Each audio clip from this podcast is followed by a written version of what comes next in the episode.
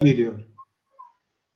Ee, iyi akşamlar ee, arkadaşlar. Ee, yayınımıza hoş geldiniz. Ben Kibele Project'in kurucu ortaklarından Hasan Turunç Kapı. Bugün yine sektörümüz için oldukça değerli bir başka konukla birlikteyiz. Ee, Mehmet Reis Beyefendi ile birlikteyiz. Reis Gıda'nın kurucusu ve yöneticisi. Öncelikle bir soralım. Ee, alışkanlık olduğu üzere. Ee, Mehmet Reis kimdir? Hikayesi nedir?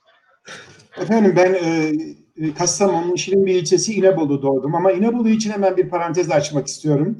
Mustafa Kemal Atatürk'ün gözüm Sakarya'da, kulağım İnebolu'da sözü çok önemlidir. İstiklal Savaşı'nda hı hı. cephanelerin taşınmasında çok büyük önev almış. Milli mücadelede e, hem cephede hem bu cephane taşınmasında görev almış ve Türkiye'de e, tek e, istiklal madalyalı ilçe olan ben İnebolu'yu onun için size açmak Hı-hı. istedim. Şerife bacıların, Halime kaptanların, Salih reislerin olduğu e, ve bunların tarihe geçtiği bir beldede doğdum. E, ve ben e, liseyi, ilkokul, ortaokul ve lise orada bitirdikten sonra Samsun Eğitim Enstitüsü, daha sonra İstanbul Hukuk Fakültesine devam ettim. Hukuk Fakültesine başladığım zaman babam vefat etmişti ve ben çalışmak zorunda kalmıştım. Hem çalışıyordum hem okuluma gidiyordum. Aynı zamanda gündüzleri un kapanında yani un kapanı denildiği zaman o tarihlerde e, Türkiye'nin gıda borsasının kurulduğu bir yerde. Un kapanı, yağ kapanı Eminönü İstanbul'da. Hı hı. Orada hem çalışıyordum. Gündüzleri e, Beyazıt'ta İstanbul Üniversitesi'nde okuluma gidiyordum. E, öğleden sonra ve akşamları da Hırkayı Şerif Camii'nin orada e, taksi şoförlüğü yapıyordum. Yani bir koltukta üç karpuz vardı. Toprakla evet. ilgili şöyle söyleyeyim. 1974 yılında ben e, gıda sektörünün içerisine girdim ve yaklaşık 6 sene gıda sektöründe çalıştım. E, ve daha sonra da 1981 yılında e, Reis Ticaret'i kurdum. 1993 yılında da Reis Tarımsal Ürünler AŞ olarak aile şirket olarak şu an e, iş hayatına devam ediyoruz. Hı hı. Çok teşekkürler. Peki biraz e, Reis Gıda'nın hikayesinden de bahseder misiniz ayrıca? Rica şimdi efendim, evet tabii şimdi şu an e, hemen daha çocukluk günlerime geçti. Ben e, 6 yaşından itibaren iş hayatındayım, çalışıyorum. E, yani ilk önce çay bardağı yıkayarak başladım iş hayatına. Hatta boyum musluğa yetişmediği için ayağımın altına portakal sandığı ya da balık kasası koyarak çalışıyordum. Ve e, hem e, kara sabanla çift sürdüm, e, düvenle harman koştum, e, çaba yaptım, e, çobanlık yaptım. E, hatta büyükbaş küçükbaş hayvanımız vardı yaklaşık 30'a yakın anneannemin köyünde. Ve balıkçılık yaparak, inşaatlarda çalışarak o ilk orta liseyi o şekilde bitirdim. Demin ifade ettiğim gibi İstanbul'da e, gıda sektöründe çalışmaya başladım.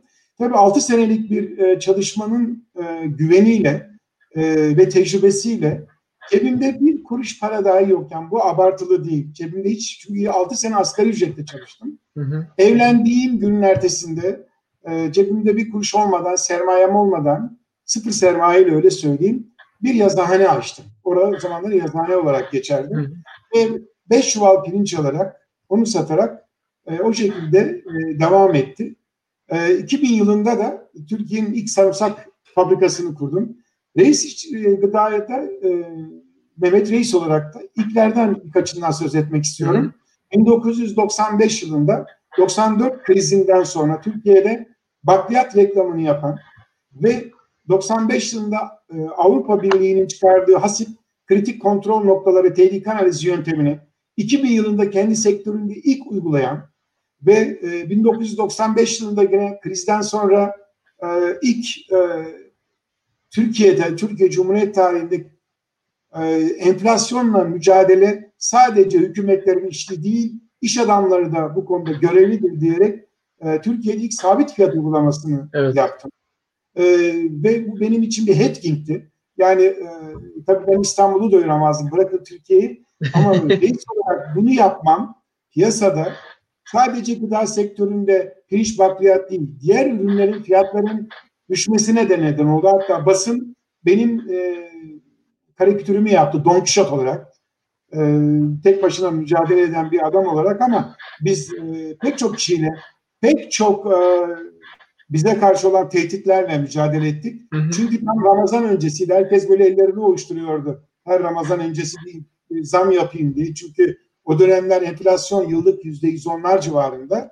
O dönem içerisinde bunu yapmak çok e, riskli bir işti ama biz bunu gerçekleştirdik. Yine 2001 krizinde de bunu yaptık. 2008 küresel krizde de biz bunu yaptık. Hatta ve hatta e, geçen sene biliyorsunuz bir ekonomik e, sıkıntının olduğu dönem içerisinde evet. yine biz bunu gerçekleştirdik. Hatta bu dönem içerisinde de Mart ayının sonuna kadar özellikle hı hı. bu e, panik alımların yaşandığı evet. dönemde de e, biz Aralık 2019 fiyatlarıyla e, panik önleri, önlem, e, alımlarını önleyecek şekilde fiyatları artırmadan da çalışma yaptık. E, açıkçası biz de Kibele olarak Don Quixote'ları çok severiz. Yani bu anlamda. E, peki Mehmet Bey ben size şunu danışmak istiyorum. Sormayı planladığım en önemli sorulardan biri bu. Aslında e, buraya katılan e, aşağı yukarı her konuma da ısrarla soruyorum. Bir süreç yaşıyoruz adına pandemi diyelim, Covid-19 diyelim ve bu noktada e, çok ciddi bir e, gıda tedariği meselemiz var aslında. Bu açıdan bir panik var, bir endişe var. Öte taraftan e, bu e, işin bir de üretici boyutu var. E, panik e, alımlarının yaşandığı bu dönemden siz de bahsettiniz. Bir panik alımı, bir süreç yaşadık dediniz. Bu noktada e, ürünlerin arzında bir sıkıntı yaşandı mı? Şimdi, müsaade ederseniz Hasan Bey bunu biraz genelleme yapmak istiyorum. Hı Önce dünyada neler oluyor? Ee, Birleşmiş Milletler kayıtlarına göre İkinci Dünya Savaşı'ndan sonra yaşanan en yaygın krizle dünya karşı karşıya. Çünkü öngörülmeyen salgın nedeniyle küresel çapta bir sağlık ve gıda sorunu yaşıyoruz. Dünya olarak. Hı hı.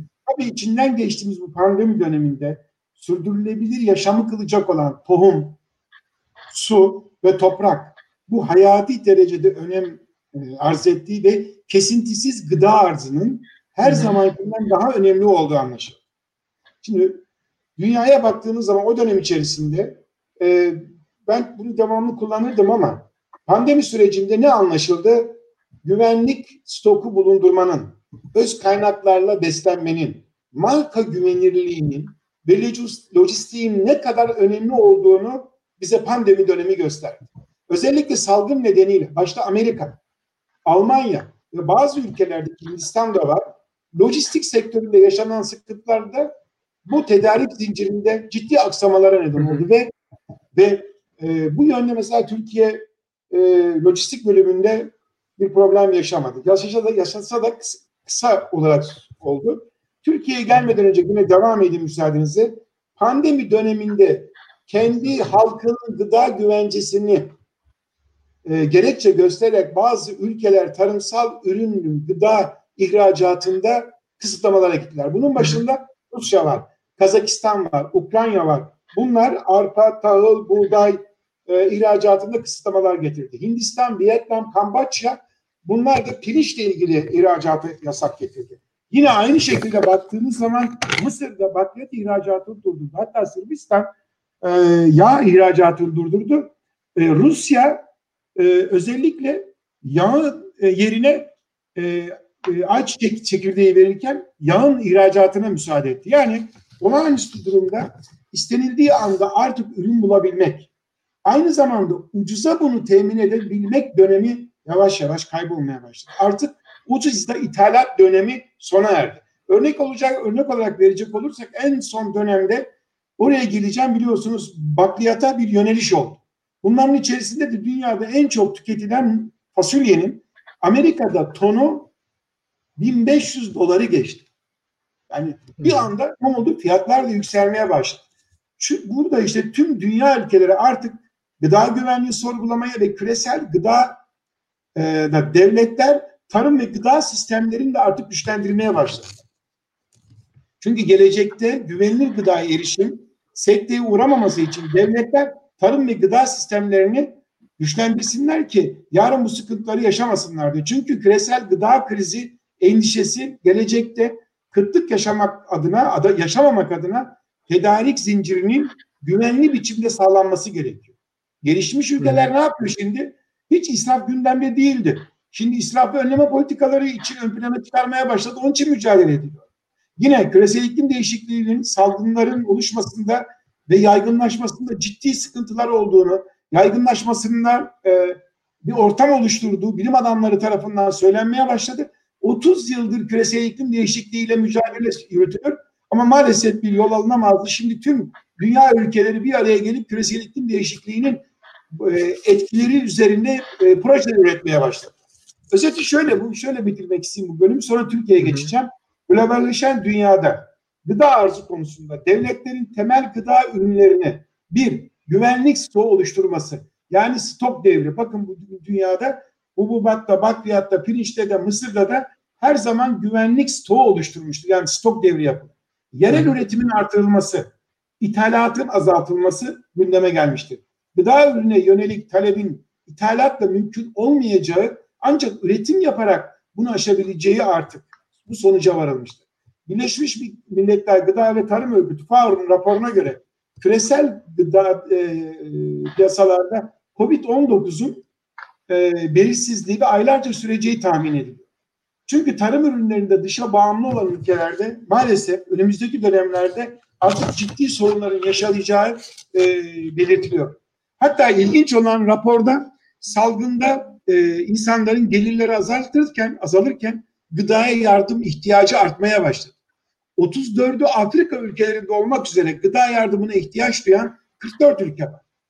Diğer yandan da 2030 yılında dünya nüfusunun 8,5 milyar olacağı, Türkiye'nin nüfusunun da 90 milyonu aşacağı öngörülüyor. Ve bu nüfusu beslemek için de tarım ürünlerinin %50 artırılmasının e, öngörülüyor ve artırılması ifade ediliyor. Bu kapsamda şimdi şu an zengin ülkeler ne yapıyorlar biliyor musun Hasan Bey? Gidiyorlar diğer gelişmekte olan ülkelerde, geri kalmış ülkelerde toprak satın alıyor. Ya bu çok derece önemli bakın. Üretim Niye? yapmak için mi?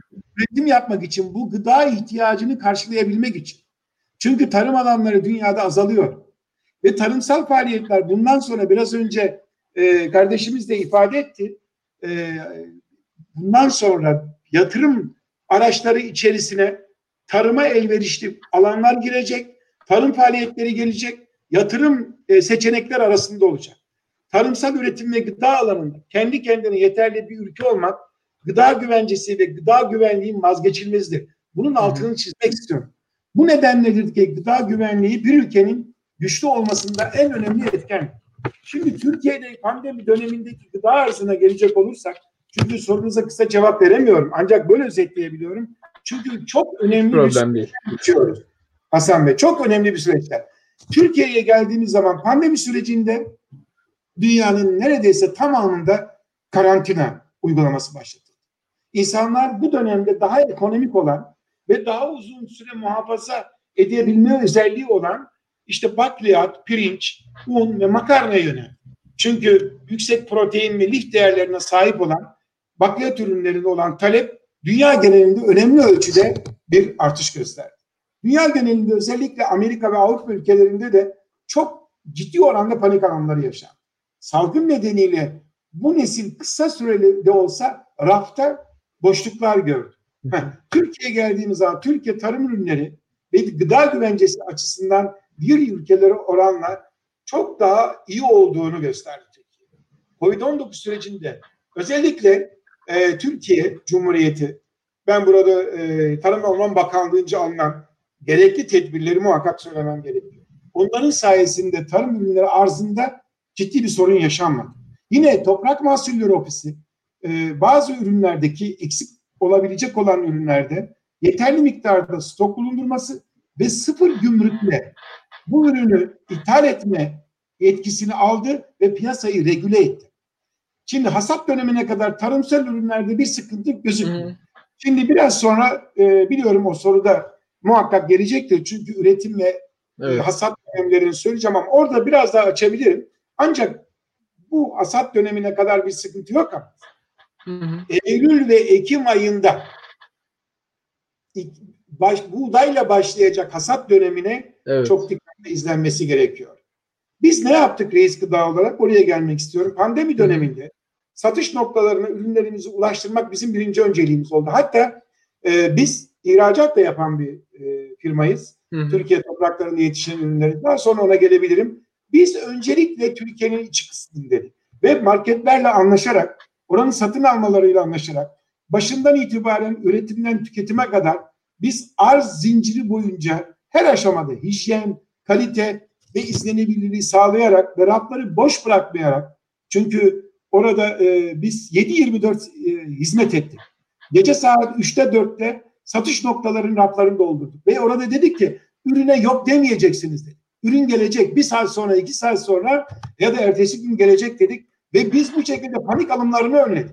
Bu son derece önemlidir. Evet. Yine gıda tedarik zincirinin tüm paydaşlarıyla beraber her türlü zorluğa karşı yurt içi ve yurt dışında tüketicilerle güvenilir gıdayı ulaştırmanın panik alımlarının olmamasına neden olduğunu olmamasını sağladığımız için inanın gurur yaş gururla e, çalıştık ve gururla bunu yaşadık. Şimdi pandemi sürecinde aldığımız önlemler ve gerçekleştirdiğimiz hijyen standartları TS tarafından da yapılan denetimlerle biz bütün bu denetimleri tanı, e, e, tamamlayarak COVID-19 güvenli üretim belgesini aldık. Sözlerimi şöyle, bu bölümde şöyle bitirmek istiyorum. Bir ülkenin tarımsal üretiminde ve gıdada iş tüketimi karşılayabilmesinin ulusal güvenlik kadar önem arz ettiğini özellikle belirtmek istiyorum. Dünya bunu gördü. Pandeminin yarattığı belirsizlikliğe rağmen 2020 yılında küresel tahıl üretimi hı hı. dünyadan bahsediyor. Bir önceki yıla göre rekor bir üretim gözüküyor. Çünkü rekor üretim çok çok önemli. Dünya piyasalarından bahsediyor. Ülkemize gelince tahıl ve bakliyat üretiminde de geçen yıla göre biraz artış olacağı tahmin ediliyor. Bazı Hı. ürünlerde biraz daha yukarıda olabilir. Çok teşekkürler Mehmet Bey. Aslında ben reis gıda bu dönemde ne yaptı laf arasında söylediniz diye lafa girecektim ama siz o kısmı da çok iyi bir şekilde anlattınız. Az önce Loca'da yani bu e, sohbet öncesinde e, bizim canlı yayınımızın kulisinde sohbet ederken e, üreticiyle sürekli görüşüyoruz dediniz. O zaman ben size şu soruyu sormak istiyorum. 2020 sezonunda e, tarımsal ürünlerin hasat döneminde beklentiler neler, rekolte nasıl olacak? O süreç nasıl ilerliyor şu anda? Şimdi e, 2020 e, üretim sezonu e, yazlık ve kışlık ekim diye ayırdığımız hı hı. bölümler ekimleri tamamlandı. Evet. Hasat zamanı, iklim koşullarına bağlı bitki gelişimi ve rekolte ile şöyle ifade edeyim. Bir kere Covid-19 döneminde sağlık ve ekonomi alanında alınan tedbirlerin yanı sıra en çok ortaya çıkan tarımsal üretimin hem ürün rekoltesi ve güvenilir stokların demin ifade ettiğim gibi ne kadar önemli olduğunu tüm dünya ülkeleri anladı. Özellikle demin ifade ettik karantina döneminde hangi ürünlere yöneldi? Kuru gıdaya yöneldi. Evet. Bunlar nedir? Tahıl ve bakliyat ürünleri. Şimdi üretim bölgelerinden biz e, üreticilerle görüşüyoruz. Türkiye çok şanslı. Yani, hem iklim şartları açısından hem yine de yaşlı bir nüfusumuz olsa bile tarım sektöründe ve tecrübeli çiftçilerimiz var. Belki sırası gelir konuşuruz çünkü gençler maalesef tarıma, e, tarım sektörüne yönelmek istemiyor. Şu an baktığımız zaman 2020 sezonunda ülke genelinde kuru baklagillerde bir önceki yıla göre yüzde beş artışla 1 milyon 290 bini geçeceği öngörülmekte. Bunların başında buğdayı aktarmak istiyorum. Buğday Türkiye genelinde bereketli bir sezon yaşıyor. Geçen sene 19 milyon ton bir üretimi olan buğdayın yaklaşık e, yüzde 8 gibi artarak bu sene 20 milyon 500 bin ton çıkacağı öngörülüyor. Ve Haziran ayı içerisinde Güneydoğu Anadolu'da başlamıştı. Şimdi Temmuz ayı içerisinde de Konya ve İç Anadolu bölgesinde hasat devam ediyor. Bizim aldığımız bilgilere göre tabii Akdeniz ve Güneydoğu Anadolu bölgesinde hasat tamamlandı ama İç Anadolu demin ifade ettiğim gibi devam ediyor. Ama bazı bölgelerde dolu ve e, aşırı yaşanan soğuklar nedeniyle olumsuz yönde bir etki olsa da genel rekolteyi e, ciddi oranda e, şey yapacak, etkileyecek bir durum yok. E, buğday ekimi de Türkiye'de e, yüzde 37 ülkemizde, İç Anadolu yüzde 15'lik Güney Anadolu bölgesinde yetişiyor. Özellikle bugün aldığım bir bilgiyi mercimek konusunda size aktarmak Hı-hı. istiyorum. Bugün yeni bir bilgi aldım. Ülkemizde mercimek çeşitlerinde de hasat şimdi şu an devam ediyor. Evet. Sırasıyla gitmek istiyorum ama kırmızı mercimekte tam tane e, doldurulması gereken dönemde aşırı sıcak ve aşırı e, yağmur nedeniyle bugün aldığım bilgiler çünkü hasat devam ediyor. Bazı bölgeler verim kaybı yaşandığı ifade ediliyor oranın üreticileri tarafından. Bir de süne ve e, e, fi e, oluşu beklenen rekoltenin tahmin edilen rekoltenin gerçekleşemeyeceğini ifade ediyorlar. Daha hasat bitmedi göreceğiz. Ayrıca içerisinde beyaz, kırmızı mercimek işlenirken yani kabuklu geliyor işlenirken de fabrikalarla görüştüm işleyen fabrikalarla. İçerisinde beyaz ve yeşil tanenin oluşu ve yabani tohumların çıkması ürün randımanın düşmesine neden olmaktadır. Yani bu bunu bekleyip göreceğiz hasat sonuna kadar. Ve biliyorsunuz hı hı. toprak mahsulleri 2020 yılı natürel yani kabuklu haldeki kırmızı mercimek alım fiyatını yüzde 40 artırarak 3,5 lira e, vermişti taban fiyat. Hı hı. Şu an işlenmiş yeşil e, işlenmiş e, fiyatları kırmızı mercimekte e, kabuklu halde e, 5 lira işlenmiş halde de e, 7 lira civarında bugün fiyatları seyretmek. Yeşil mercimeğe gelince TÜİK verilerine göre bunu ifade etmek istiyorum. %3.4 bir azalışla yaklaşık 42 bin ton çıkacağı hesaplanıyor. Baktığınız zaman yeşil ve kırmızı mercimek e, üretimlerde yine TÜİK verilerine göre üçte e, dörtte üçünü iş tüketimin dörtte üçünü bizim üretimimiz karşılıyor. 2020 yılında şu an nohut, e, çeltik ve e, fasulye de ekimleri tamamlandı. Hasadı da Temmuz, Ağustos ve Eylül aylarında yapacak. Özellikle hı hı. Ağustos sonunda e, fasulye, e, Eylül'de de e, çeltik yapılacak. Geçen sene kuru fasulye üreticisi getirisi daha yüksek olan patates, e, işte şeker pancarı e, e, yüksek olan Mısır'a yönelmişti. Ve o zaman da yaklaşık yüzde beş kayıp oldu ve hatta sezonun sonuna doğru da fiyat artışı yaşandı. Hani sadece Amerika'da değil, Türkiye'de tabii ve dünyada da kuru fasulye fiyatları arttı. Şimdi 2020 yılında kuru fasulye ekiliş sezonunda atıl arazilerin tarımsal üretime kazandırılması bu da çok önemli bir atılan adımdır. Hibe tohum verilmesi sonucunda geçen seneye göre %10'luk bir artış olacağı söz konusu. Bu da yaklaşık 250 bin ton civarında e, bir beklenti var rekolte ile birlikte. Onda da yine %70'ler civarında biz iş tüketimi karşılayacak durumdayız. Üretimimize karşılayacak. Dünya genelinde en fazla tabii demin ifade ettiğim yine bakliyat başında kuru fasulye tüketiliyor. 2016 itibariyle de bizim nohut üretimimiz her geçen gün Türkiye'de artıyor.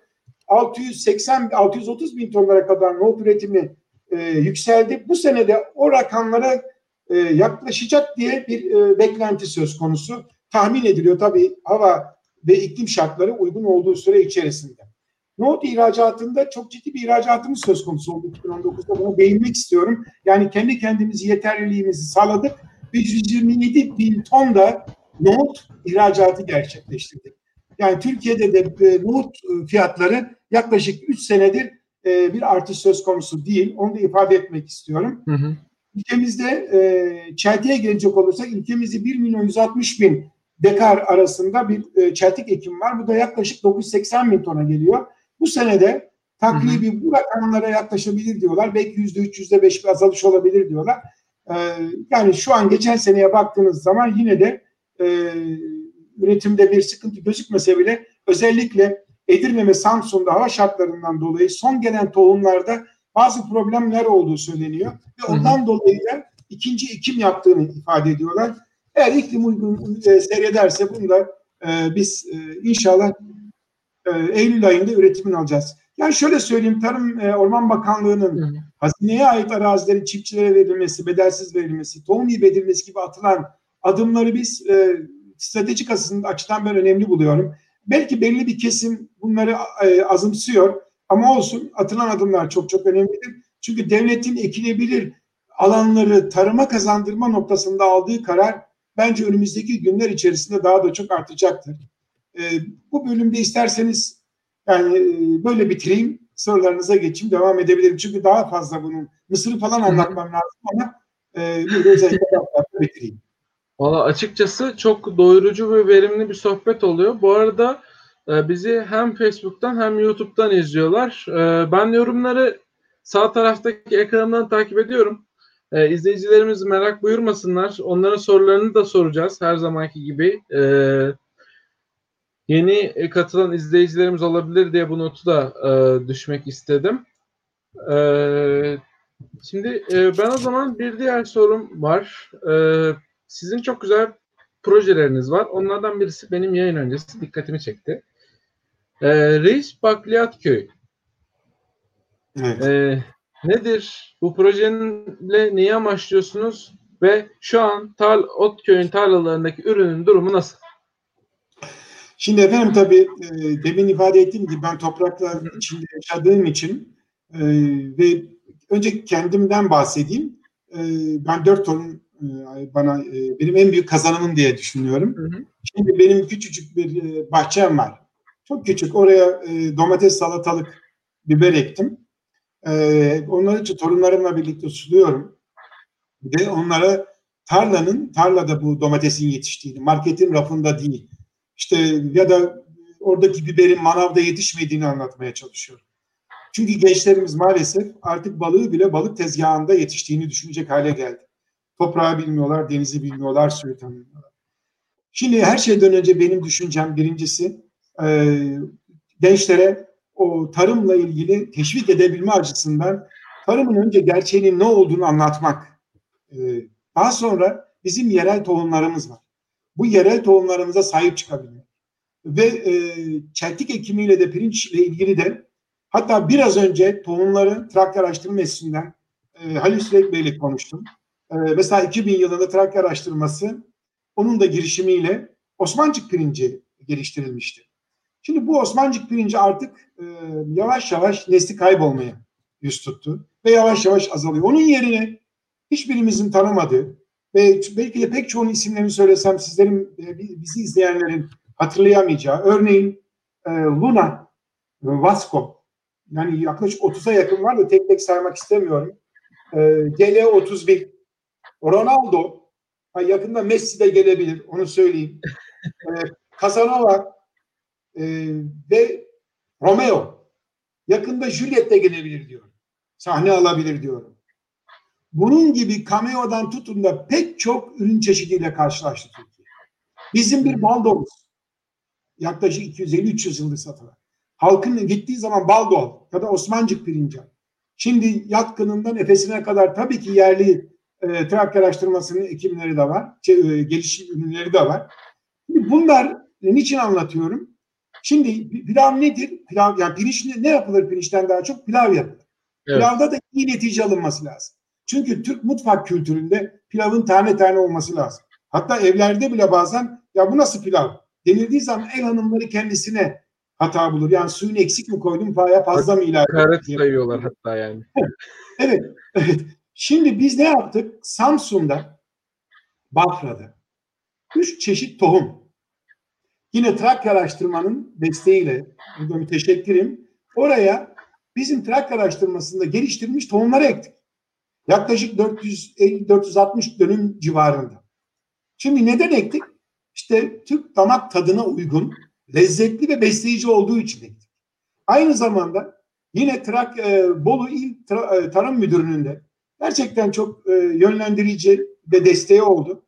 Bolu Çamyayla köyünde 25 tane kadın girişimcimizin kurmuş olduğu bir kooperatifle birlikte onların emeğine saygı duyarım. Çünkü kadınların emeğine ben daha çok saygı duyuyorum. Çünkü onlar e, tarım sektöründe en çok çalışan, günün 16 saatini tarlada geçiren e, o eli öpülesi annelerimizin, kardeşlerimizin onlarla birlikte de biz Bolu Çamyayla köyde önce onların yöresindeki ürünler, çivril fasulye, bombay fasulye ve ben Erzincan'dan şeker fasulye getirerek yörelerinden Niğde'den barbunya fasulye ve dermason fasulye getirerek bunlar bizim milli tohumlarımız. Hani ata tohumları diyorlar. Evet. Yani onları biz buraya ektik. Ben şunu ifade etmek istiyorum. Bugün bu ürünler gelecek nesillere aktarılması lazım. Evet gen bankamız var. Gen bankasında bizim ürünlerimiz var. Ama Hasan Beyciğim bunlar ekilerek, üretilerek, tekrar ekilerek, biçilerek gelecek nesillere o şekilde aktarılırsa çok daha iyi olur. O tohumları bizim geliştirmemiz lazım.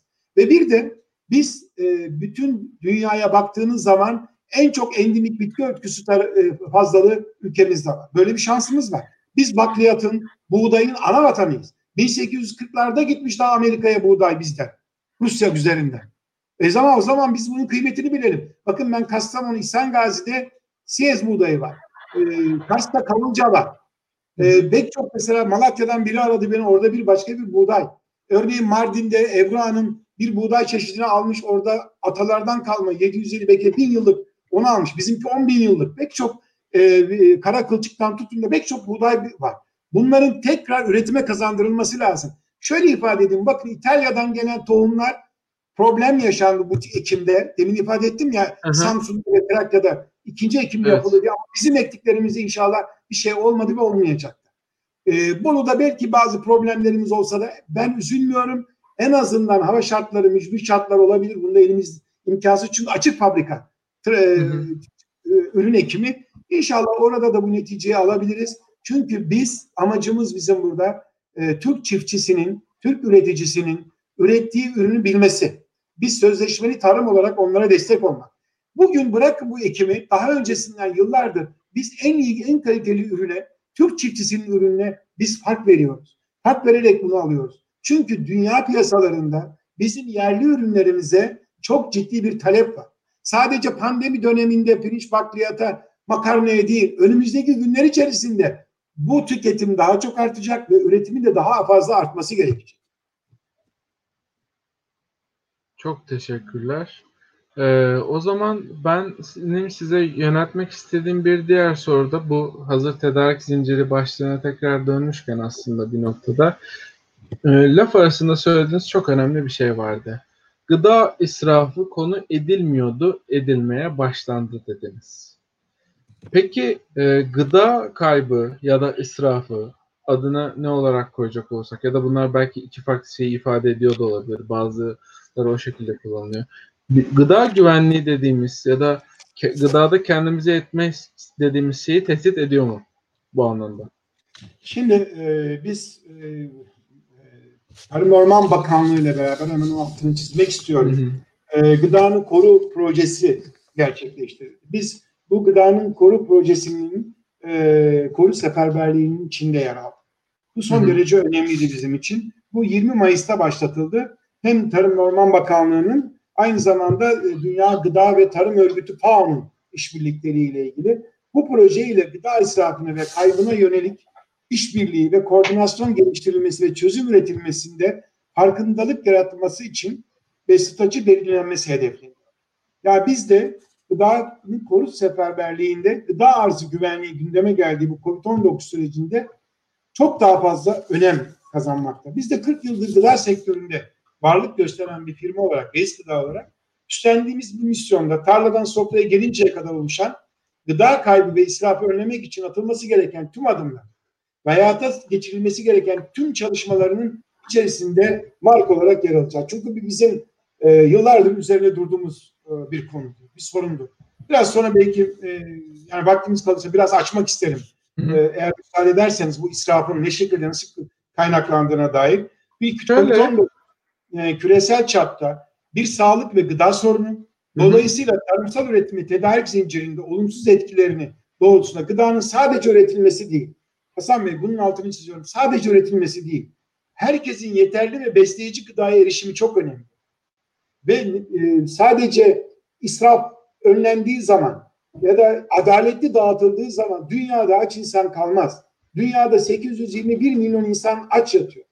Ama bunun karşılığında 810 milyon insan e, obez. Aşırı e, kilolu ve obez insan sayısı ve 149 milyon çocuk gelişimine uygun maalesef bunu sağlayamıyor ve pek çok çocuk gıdaya erişemediği için ölüyor. 2 milyar 100 milyon insan temiz suya erişemiyor. Yani burada adaletli bir paylaşımın olmadığını da ifade etmek istiyorum. İsraf edilen gıdanın bir başkasını doyuracağını hiç unutmamamız gerekiyor bizim. Burada Mustafa Kemal Atatürk'ün çok güzel bir sözü var.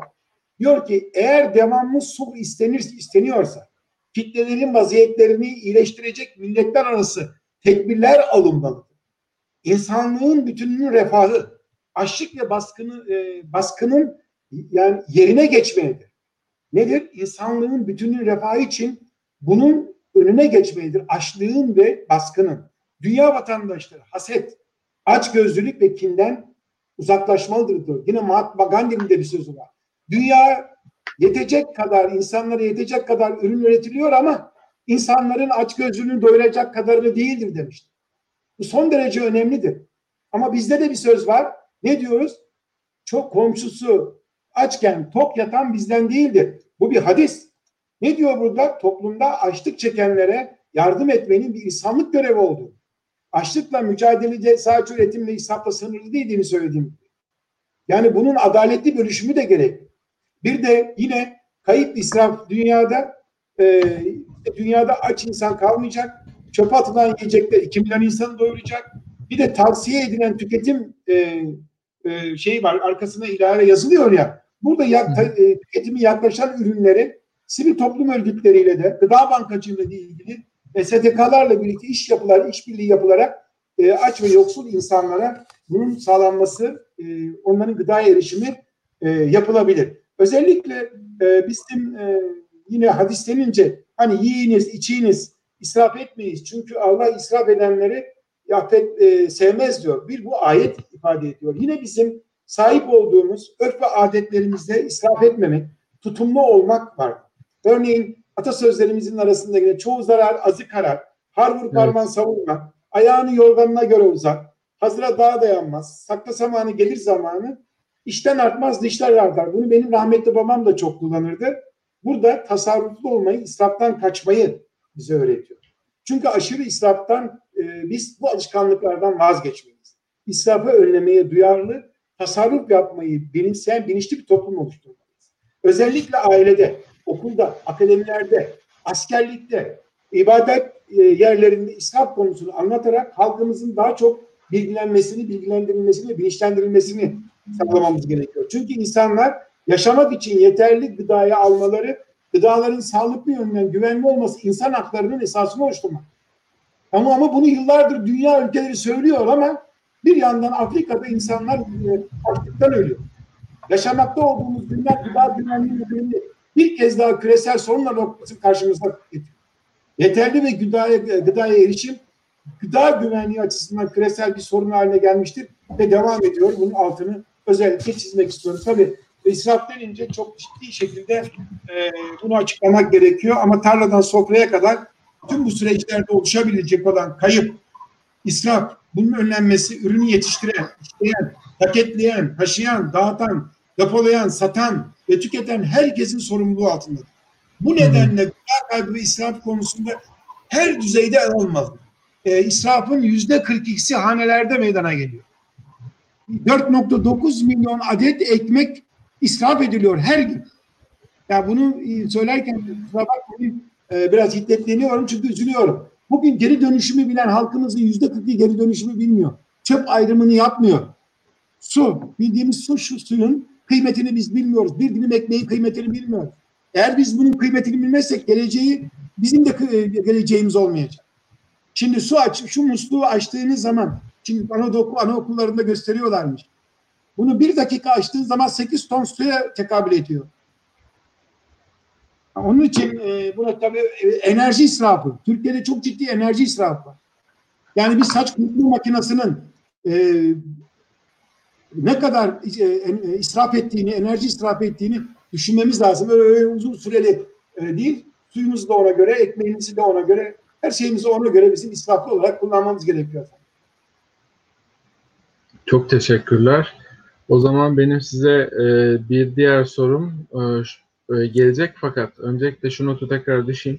Yayınımızı Facebook'tan ve YouTube'dan izleyen seyircilerimiz eğer bir sorunuz varsa yazmaktan lütfen çekinmeyin. Yayının sonunda onları cevaplandıracağız. Ee, bu gecikme tamamen sohbetin serencamını bozmama amaçlı gerçekleştirilen bir şey. Teşekkür ediyoruz. Ee, konuşmanın içinde önemli notlardan biri de çeşitli iklim olaylarından bahsettiniz. Ve bu anlamda ben size şunu sormak istiyorum. Küresel iklim değişikliği ülkemizi ve ülkemiz tarımını ne kadar etkiliyor? Çünkü siz daha sağdasınız. Bunu daha real bir şekilde görebilirsiniz. Ee, bu anlamdaki tecrübeleriniz, edindiğiniz veriler nelerdir? Şimdi efendim e, tabii ben izlediğim izleyenleri de sıkmamak istiyorum. Şimdi şu küresel iklim değişikliği denildiği zaman ben e, üniversitede bunları, bu şu ana kadar 54 üniversite oldu. Anlatmaya çalışıyorum. Sadece bir ders konusu. Yani bir Hı-hı. saatte anlatılabilecek bir konu. Türkiye için çok önemli bir konu. Çünkü Türkiye Akdeniz bölgesinde yer alıyor. Ve Akdeniz bölgesi de küresel iklim değişikliğinden en çok etkilenen bölgelerin başında geliyor. Ve tabii bunun içerisinde Türkiye'de e, son dört yıla baktığınız zaman aşırı hava olaylarının arttığı yıllar olarak tarihe geçti. 1940'tan bugün. Hı hı. Türkiye bu konuda önlem alması gerekiyor. Bugün e, küresel iklim değişikliği demin ifade ettim işte Paris önce Kopenhag daha sonra Paris'te ve pek çok dönem içerisinde yıllarca toplanılıyor ama maalesef bir neticeye gidilmedi ki Covid-19 süreci başladığı ana kadar. Çünkü küresel iklim değişikliğiyle ilgili bu hava şartları bizim çiftçilerimize sorulmuş. Nisan ayında yapılan bir anket var. Geçen 2019 Nisan'da. Birinci Hı. sırada olumsuz hava şartları. Bu son derece önemlidir. E, küresel iklim değişikliği ile ilgili Türkiye'nin daha fazla mücadele etmesi lazım. Küresel iklim değişikliğinin oluşumuna neden olan sera gazları fosil yakıtlar. İşte fosil yakıtların e, bu, e, yenilebilir enerjiye dönmemiz gerek. Ve aynı zamanda Harvard Üniversitesi'nin bir araştırması var. Dünyayı besleyen üç, üç tane ana ürün var. Bunlar buğday, mısır ve pirinç. Son dönemde küresel iklim değişiminin etkileriyle beraber hem üretimleri azalma hem aynı zamanda besin değerlerinde düşmeye neden Ama maalesef biz küresel iklim değişikliğini bizim göz ardı etmememiz lazım. Maalesef diyorum biz küresel bazda e, iklim değişikliği ile ilgili işbirlikteliği içerisinde olmamız lazım. E, iklim değişikliği bir gıda güvencesini tehdit ediyor, gıda güvenliğinde riske atıyor. Yani bu cümlenin e, anlatımı ve aşağıya doğru ben anlatmaya kalksam dakikalar yetmeyecek. Onun için inşallah bir gün birlikte olduğumuz zaman bir küresel iklim değişikliğinin konuşalım. İki ben e, e, kardeşimiz biliyor Yusuf Bey 2018 yılında sürdürülebilir akademiyle o gün hı hı. Tarım Orman Bakanlığı ve FAO'nun katıldığı toplantıda yaklaşık 22 dakika ben küresel iklim değişikliğini anlattım. Ve 1995 yılı bakın Türkiye'de ilk defa bir örnek vermek istiyorum. O dönemin o dönemin başbakan, o dönemin ana muhalefet partisi genel başkanı, o dönemin İstanbul valisi rahmetli Ayrı Kozakçı, o dönemin belediye başkanı, hı hı. bugünkü Sayın Cumhurbaşkanımız. Üst düzeyde ben göç paneli düzenledim. Türkiye ve dünyada hı hı. göç sorunu var dedim. Sadece ve sadece Türkiye'de Sivas'tan sonra en çok göç veren Kastamonu sorunları ama Türkiye'nin genel sorunlarıydı. Dünyanın genel sorunuydu. 20. yüzyılın ortalarında devam eden maalesef bu göç sorunu hala devam ediyor ve tarımınız, toprağınız olsa, suyunuz da olsa, tohumunuz da olsa onu ekecek her ne kadar teknoloji de olsa çiftçiye ihtiyaç var. Ama bunun için de verimli toprak, tekrar ifade temiz su, gene, genetiği oynanmamış, verimli e, ve e, ıslah edilmiş tohumlar ama e, bizim yerel tohumlarımız olursa çok daha isabetli. Çünkü dünya ülkeleri bizden bunu talep ediyor. Hem iç tüketimimizi karşılayacağız hem ihracatımızı yapacağız. E, bunlar olursa bunların olması için de küresel iklim değişikliğinin etkilerini azaltabilmek için biz adaptasyon da gerçekleştirerek mücadele etmeliyiz. Çok teşekkür ediyorum. O zaman yavaş yavaş yayını sonlandırmaya başlarken yani daha doğrusu bizim sohbetimiz olan kısmını sonlandırmaya başlarken çünkü şu ana kadar 3 soru saydım e, gelen. E, daha da gelebilir süreç içerisinde. E, son bir sorum olacak size. Sizce yaşanabilir bir dünya, sürdürülebilir bir gelecek için ne yapmalıyız? Efendim, e, bu gerçekten çok önemli ama eğer müsaade ederseniz, bilmiyorum ne kadar zamanımız var. Ben özellikle Türkiye'nin e, sürdürülebilir tarım uygulamaları ki ben 1985'ten bugüne kadar her yıl bu sürdürülebilir tarım uygulamalarını güncel olarak e, yenilendiriyorum. Ve ilgili makamlara 85'ten beri Cumhurbaşkanları, başbakanlara, ilgililere anlatıyorum ve bu konuyla ilgili raporlar düzenliyorum. Tarımda sorunlar ve çözüm öneriyorum. Ben ülkemizin tarımıyla ilgili biz eğer kaynakları verimli kullanırsak, eğer Türkiye gelecek 5 yıl içinde söylüyor, tarımsal üretim, tedarik ve lojistik merkezi olabilir. Bunu önce belirtmek istiyorum. Yaşanabilir dünyaya geçmeden. Biz örnek olarak mesela lezzetiyle, aromasıyla farkındalık yaratan pirinç, bulgur, yeşil mercimekleri bugün dünyanın hı hı. E, belirli ülkelerine gönderiyoruz. Reis gıda olarak bunu ülkemin bir markası olarak söylüyorum. Yanlış anlamayın. Biz hı dünya tarım ürünleri ihracatında ilk ona giren Amerika, Almanya, Hollanda, Fransa, Kanada bu ülkelere biz hububat, bakliyat ürünleri, pirinç dahil olmak üzere gönderiyoruz. Bakın dünyaya pirinç satıyor Amerika. Japonya bizden pirinç alıyor, bakliyat alıyor ya da Kanada dünyaya yeşil mercimek satıyor, kırmızı mercimek satıyor ama bizim Yozgat'ta yetişen, Yozgat'ta Çorum Sungurlu'da yetişen mercimeği istiyorlar bizden. Hem de bu ürünlerin fiyatları dünya piyasalarının üzerinde bir, bir iki katı üzerine gidiyor. Onun için bizim iş tüketimi demin ifade ettim, iş tüketimi düşünürken ihracatımızı da düşünmemiz lazım. Bir de Türkiye e, dahili işleme rejimi kapsamında yurt dışından mercimek alıyor ve satıyor. Ve biz bu ürünü katma değeri satarak yurt dışına gönderiyoruz ve ihracat e, ihracat yani katma değer kazandırarak ihracat yapıyoruz. Çin ülkemizde bir dönüşüm yaşayan e, baklak üretiminde yapılan destekler artış göstermeye başladı. İnşallah bunu istenilen seviyede gerçekleşir ve biz ciddi bir satış e, potansiyeli yakalarız. Türkiye'de yetiştirilen ürünler dış pazarlarda rağbet görüyorsa biz sahip olduğumuz e, potansiyeli doğru değerlendirmemiz lazım. O zaman biz ihracatta avantaj sahibi oluruz. Yeni dünya düzeninde tarım ve hayvancılık sektöründe teknoloji kullanarak, verimliliği artırarak, gıda israfını en aza indirerek yol aldığımız takdirde biz Türkiye olarak geleceğin en güçlü ülkelerinden birisi olarak yaşanabilir bir dünya, işte küresel iklim değişikliğinden bahsettik. Bunun için sürdürülebilir gelecek için biz ne yapmalıyız? Hepimize ayrı ayrı görevler düşüyor. İşte son dönemde ne konuşuyoruz? Küresel iklim değişikliği, biyoçeşitlilik kaybı. Biyoçeşitlilik kaybına bir örnek vereyim. Karadeniz Üniversitesi'nde bu örnekleri veriyorum araştırmasında. Karadeniz'de 162 balık çekiş, e, e, çeşidinin 59 tanesinin nesli tükenmiştir. Bu son derece önemli. Marmara'ya da bakalım. Canlılık her geçen gün azalıyor. Ne dedik? Çeşitlilik kaybı. Açlık ve yoksulluk, olağanüstü sağlık problemleri, küresel sorunlarla biz karşı karşıyayız. Bu küresel iklim değişikliğinin etkileri hem su, tatlı su kaynaklarına azalmasına hem tarım alanlarının azalmasına, tarımda nüfusun yaşlanmasına, kırdan kente göç bu gıda arzının azalmasına neden oluyor. Onun için biz yıllardır kaynaklanan sınırsız olduğu düşüncesiyle hareket edilebilir, ederek ekilebilir alanların azaldığı, temiz su ihtiyacının arttığı dünyamızda onlarca yıldır süre gelen alışkanlıkları geride bırakarak yeni bir gelecek haritası oluşturmalıyız. Gezegenin ve insanların sağlıklı olabilmesi için temel sorunları çözüm üretmek zorundayız. Hızla artan dünya nüfusunu doyurmak için gezegeni yok etmeden çareler üretmek. Zira gezegenin kaynakları sınırsız olduğu inancına dayalı beslenme fikri artık geçerli değil. Üzerinde yaşadığımız gezegenin sağlığını korumak için kaynakların aşırı kullanımına son vermemiz gerekiyor.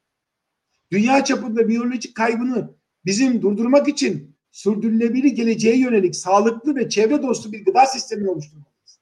İklim krizine ve kaynakların azalmasına karşı gerekli önlemlerin alınmaması, benimsenen tutumda ısrar edilmesi, ısrar edilmesi durumunda yaşanabilir bir dünya, sürdürülebilir bir geleceğe sahip olamayacağız. Bunun altını çiziyorum. Artık lütfen uyanalım. Lütfen artık başka dünya yok. Bakın Amerika nereye gidiyor? Mars'ta şimdi dün bir açıklama yaptı. Ben Mars'a gittim diyor ve sahiplenmeye başladı. Sürdürülebilir bir dünya düzeni için sadece bugünü değil, gelecekte de tüm canlıların hayatlarından sorumlu olduğumuzu kabul etmeliyiz. İnsanoğlu gezegende doğal kaynaklara, yaban hayatı geri, geri dönüşü olmayacak zarar veriyor. Hasan Bey her gün okyanuslara ve denizlere 8 ile 12 milyon ton plastik atılıyor. Doğada 1 milyon hayvan ve bitki türü yok olma riski altında. İnsan faaliyetleri nedeniyle genetik çeşitliliğin azalması, dünyanın biyolojik değerlerinden yoksul kalması insanoğlunun doğadaki yaşamını tehdit ediyor. Bakın Barack Obama eski Amerika Başkanı ne dedi? İklim değişikliğinin felaketini gören ilk kuşağız. Ve bunu sonlandıracak kuşak da biziz dedi. Yine genç iklim aktivisti e, Greta Thunberg eğer bu nesil iklim değişikliği mücadeleyi kazanamazsa geleceğimiz elimizden alınacak diyor. Onun için çevreyi kirleten, iklimi değiştiren, doğa dengelerini bozan, doğal yaşam zincirine müdahale eden insanoğlunun sınırlı bir dünyada sınırsız büyümeyi hedef alan yaşam tarzını ve özellikle bu var ya bu kar odaklı bakış açısından kurtulması gerek. Şöyle bitireyim. Yaşadığımız krizleri aşmak ve sürdürülebilir bir geleceği inşa etmenin yolu bir an önce hep birlikte ekosistemi korumaktan geçiyor. Doğanın bize sunduklarına saygı göstermezsek, kıymetini bilmezsek yaşam sansını kaybedeceğiz. Ama Covid-19 dedi ki bize değiş. Değişmemizin gerektiğini bize gösterdi. Biz tekrar geriye dönmemeliyiz. bize öğrettiklerinin daha fazlasını e, bizim uygulamamız gerekiyor. Sağlıklı yaşam, sağlıklı bir dünya ile mümkün. Gezegen sağlıklıysa insanlar, canlılar sağlıklı. Doğayı korumak, yaşamı korumak anlamına geldiğini artık bizim bunu anlamamız gerekiyor. Ortak geleceğimiz gezegenimize nasıl davranacağımıza bağlıdır. Bunun altını çizmek istiyorum. Hiç kimse yakınmasın. Konuşurken ifade ettim. Bilim adamları açıklıyor. Ben açıklamıyorum. Bu virüsün yaygınlaşması, eko, e, dengenin, ekosistemin boz, bozulmasını. Ve ne deniyor? Bir e, bağışıklık sisteminiz güçlensin diyor. Bağışıklık sistemi neyle güçlenecek? Dengeli ve sağlıklı beslenmeyle. Doğanın bize sunduklarıyla. Anneannemizin, babaannemizin, dedelerimizin yediklerini tüketerek biz bağışıklık sistemini güçlendirdik. Evet efendim. Çok teşekkürler. Açıkçası e, oldukça önemli ve derin bir reçete oldu. Şimdi yavaş yavaş e, konuklarımızın sorularına ve yorumlarına geçebiliriz. Öncelikle e, Burak Kaan Dovankaya beyefendi e, selamlar iyi yayınlar demiş ve ardından şöyle bir soru sormuş. Yeni mezun gıda mühendisleri için ne önerileriniz nelerdir diye sormuşlar kendileri. Efendim çok teşekkür ediyorum Burak, e, Burak Kaan kardeşimize. Özellikle ben e, genelde e, Trakya Üniversitesi başta olmak üzere Namık Kemal Üniversitesi olsun, Girişim Üniversitesi olsun, diğer üniversitelerin e, gıda mühendisliği bölümü ya da gıda teknikerliği bölümü hepsine gidiyorum. Orada gençlere şunu söylüyorum. Ne olur ve ne olur. Başta ifade ettiğim bir cümle şu. Okulu bitirmek için değil. O mesleği öğrenebilmek. Hani meslek vardır ya. Eğitim de bir meslek. Bu mesleği öğrenmek. Gıda mühendisi olacaksınız. Ben okulu bitirmek için değil. Orada edindiğiniz bilgiler ve öğretmenlerinin, hocalarının e, tecrübeleriyle oradan çıktığı zaman iş bulmak daha çok kolaylaşıyor. Ve önemli olan o eğitim sırasında o e, staj bölümleri e, oluyor, staj oluyor o bazı e, dönemlerde. Muhakkak onu gerçekçi bir şekilde sınav e, yapılsın ve çok önemli gıda üretim yerlerinde yapsınlar. Çünkü biz pek çok gıda mühendisimize bu konuda imkan tanıdık stajyer olarak. Ve Türkiye'de daha gıda mühendisliği mecbur değilken firmamız gıda mühendisiyle başladı çalışmaya. Ve işin ilginç olanı bugün gıda mühendislerimiz iş bulmakta zorlanıyor. Ülkemizde maalesef e, ziraat mühendisleri veya veterinerler ya bazıları işsiz ya da başka mesleklerde çalışıyor. Ben diyorum ki gıda mühendisliği, gıda ile uğraşan kim var? E, ziraat mühendisleri veya e, veterinerler. Türkiye'nin besicilik ve hayvancılık artı tarım ürünleri konusunda ve biz her zaman dengeli beslenmenin ötesinde hijyen beslenme, hijyen üretim ile ilgili bütün bu konularda bizim gıda mühendislerine ihtiyacımız var. 1995 yılında balık hijyeninde başlayan bu hasip, kritik kontrol noktaları tehlike analizi yöntemini Türkiye'de ilk alan bir firma olarak söylüyorum kendi sektörümde. Biz buna önem veriyoruz ama özellikle istediğim sadece okulda okuduğumuz zaman değil, boş zamanlarda stajlarımızı ve elinizden geldiği kadar yaz aylarında e, katkı olmak üzere bütçenize, aile bütçenize ve kendinizin eğitim alanında da destek olacak şekilde muhakkak çalışılması özellikle gıda merkezlerinde çalışılması. Çünkü gıda mühendislerinin önümüzdeki dönemler içerisinde çok ciddi e, şekilde ihtiyaç olacak. Buradan bunu ifade etmek istiyorum. Çünkü önümüzdeki dönem sadece gıdanın üretilmesi değil, onun hijyen bir şekilde o tedarik zincirinden geçmesi lazım. Onun için tedarik zinciri güvenliğinden de söz etmek istedim biraz önce. Pek zaman kalmadığı için açamadık. Bu son derece önemli. Çok teşekkürler. Ee, Yasemin Uluçılan hanımefendi güzel yayınlar olsun demiş. Ee, kendisi e, aynı zamanda Dokuzköy Ko- Kooperatifinin kurucularından, bizim ilk zamanlarımızdan beri takipçilerimizden teşekkür ediyoruz. Selim Uysal beyefendi iyi yayınlar diliyorum. Çok değerli bir sohbet. Kivele Project önemli isimleri bizlerle buluşturmaya devam ediyor demiş. Selim Bey de yine aynı şekilde sıkı takipçilerimizden. Biz teşekkür ederiz. Siz bizi izlemeye devam ettiğiniz sürece biz de sizinle sektörümüzün önemli isimlerini buluşturmaya devam edeceğiz efendim. Yasemin Uluçyanar hanımefendi, biz gençler olarak buradayız Mehmet Bey. Emeğinize sağlık, enerjinizin yüksekliği bizi daha çok umutlandırdı. Çok teşekkür ederiz demiş. Ben bu noktada bir şey daha söylemek istiyorum. Yasemin e, Uluçyanar hanımefendi Dokuzköy Sos Sosyal Kooperatifinin de kurucusu aynı zamanda. Bu Dokuzköy Sosyal Kooperatifinde sizin az önce söylediğiniz bakliyat köyüne benzer çeşitli çalışmaları var. E, en kısa sürede sizi de bir, bir tanıştırmak, bir araya getirmek isteriz. E, Memnuniyeti. Emrah Kurum e, beyefendi, o da e, sıkı takipçilerimizden. Bugün gerçekten sıkı takipçiler günü olmuş. Çok mutlu oldum açıkçası burada olmalarından kendilerinin. E, Emrah Bey de Sürdürülebilirlik Adımları Derneği'nde yönetim kurulu başkanı şu anda. E, Reis gıda olarak üreticilerin kimyasal gübre yerine biyo gübreye geçişi konusunda destekleriniz var mı diye bir soru sorarlar. Şimdi zaman daraldığı için bu konuya çok kısa cevap vereceğim. Ee, hı hı. Yanlış değerlendirilmesin. Özellikle biraz önce ifade ettik çeltik e, yeni bazı ürünler sadece çeltik de değil. Hı. Biliyorsunuz bu tohumu satan e, şirket yanında hı. ilacını gübresini de satıyor. Eğer o ilacı hı. almazsanız o ürünü yetiştirmek çok zor. Özellikle hı. Türkiye'de ve toprağın da biliyorsunuz e, verimsizliğini kılacak olan bu kimyasal gübre ve kimyasal ilaç konusunda ben çok titiz davranıyorum. Şöyle cevap vereyim. Avrupa ülkeleri dünyada kullanılan e, tarım ilaçlarının yüzde yetmiş beşini kullanmıyor. Yani Türkiye bu konuda e, seçici olduğuna inanıyorum. Ve özellikle biyo gübrenin ben e, çok daha e, hem toprağa hem insan sağlığına uygun olduğunu düşünüyorum. Yani biliyorsunuz bugün e, tarladaki normal bahçeye bile artık e, yabani otları yok edecek gübrenin atılmasının sağlık açısından ne kadar zararlı olduğu konuşuluyor. Daha ne olsun ki biz yani hayvan gübresi e, bahçeyi yapardık çocukluğumuzda da. Artık bu kimyasal gübrenin ve zirai ilaçların her şeyden önce belli bir oranda müsaadesi olanlar kullanırken de muhakkak bilinçli kullanılması lazım. Hı. Ve bu konuda muhakkak ilgililerin, karar vericilerin yönlendirmesi ve bunu yap yani bu e, ilaç ve gübreyi atanları bu konuda bilgilendirmesi ve bilinçlendirmesi gerekiyor. Bunun altını çizmek istiyorum. Muhakkak tabii ki e, biyo gübreye ve doğal gübreye her zaman Türkiye'nin ihtiyacı var diye düşünüyorum. Çok teşekkürler e, Mehmet Bey. Son sorumuz Yasemin Uluçınar hanımefendiden geliyor.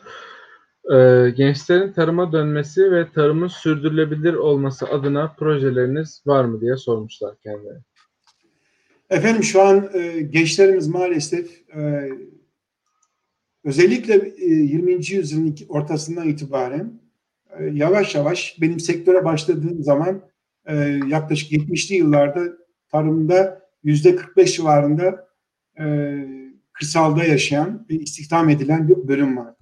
Şu an e, maalesef o dönemden bu döneme bakıyoruz. Hem tarımda çalışan sayı hem de kırsalda yaşayan e, nüfusa baktığınız zaman ciddi oranda bir azalma Belki bizi dinleyenler şöyle söyleyebilir. Avrupa'da da dünyada da e, tarım kesiminde çalışan az. Evet doğrudur. Yüzde üçler dörtler civarında. Ama oradaki aileler değil büyük e, tarım alanları var. Ve gayri safi milli hasılanın içerisinde de ciddi paylar alıyor. Ama baktığınız zaman eğer gençleri tarımda kalmasını istiyorsak, e, Atatürk'ün gene bir sözünü ifade etmek istiyorum. Atatürk ta 1923'te e, Kurtuluş Savaşı'ndan sonra kurmaylarını e, etrafında toplayarak milli ekonominin temeli ziraattır diyerek şunu ifade etmiştir. Çoban ve çiftçi bu milletin unsuru aslidir. Yani üreten çiftçi, müstahsil köylünün efendisidir, milletin efendisidir. Köylü milletin efendisidir demiş. Şimdi bugün tarımda gelişmiş olan ülkelere bakıyoruz. Amerika, Hollanda, Almanya. Orada bir çiftçilik bir yaşam tarzı. Ve çiftçilik itibarlı bir meslek. Şimdi onun için biz gençlerin tarıma yönelmesini istiyoruz. Yine geçen senenin Nisan ayındaki anketlerde özellikle Ege ve Akdeniz bölgesinde yüzde elliye yakın gençlerin anneannesinin, dedesinin ya da babasının yaptığı mesleği tarım sektöründe çalışmayı kabul etmiyor. Büyük şehirlere gidiyor. Büyük şehirlerde gittiği zaman toprakla bağ kopunca ne oluyor? Üretim azalıyor. Onun için gençlerin dönebilmesi için biz uğraşı içindeyiz. Bakın o Çamköy Yayla köyünde de e, o e, hanım kardeşlerime baktığım zaman onların çoluğun çocuğun da burada üretim yapsın istiyoruz. Diyoruz ki biz ürünü alacağız. Biz ürünü alacağız. Onun için ürünün alım garantisi çiftçiye bir motivasyondur. Nasıl Toprak Mahsulleri Ofisi bu geçen sene, bir önceki sene e, nohut alacağım dedi. İnsanlar nohut ekti. Bir garanti gördü. Onun için gençlerin tarım sektörüne e, devam edebilmesi için, tarım sektörüne dönmesi için teşvik edilmesi lazım. O zemin hazırlanması lazım. Gelişmiş olan ülkelere baktığınız zaman gelişmişliklerinin altında sanayi, e, teknoloji, elektronik yanı sıra tarım, tarım, tarıma verdiği önem nereden kaynaklı oluyor? O da kırsal kesime vermiş olduğu değerden, bu potansiyele vermiş olduğu değerden. Ben size şöyle bitireyim bunu.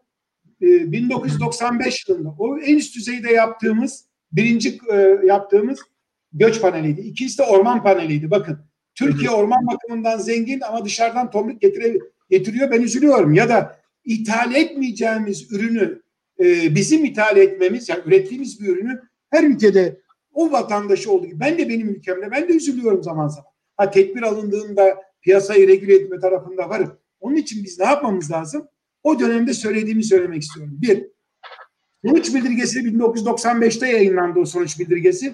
Bugün aynısı geçerli. Bakın 95'te ben yayınladığım sonuç bildirgesinde diyor ki insanların doğduğu yerde e, kalabilmeleri için bir, e, oradaki e, kalan insanların bir, sağlık, iki, eğitim, üç, güvenlik, dört, sosyal donat alanları. Bunun gibi pek çok konuda eğitim, ona sağlamanız gerekiyor.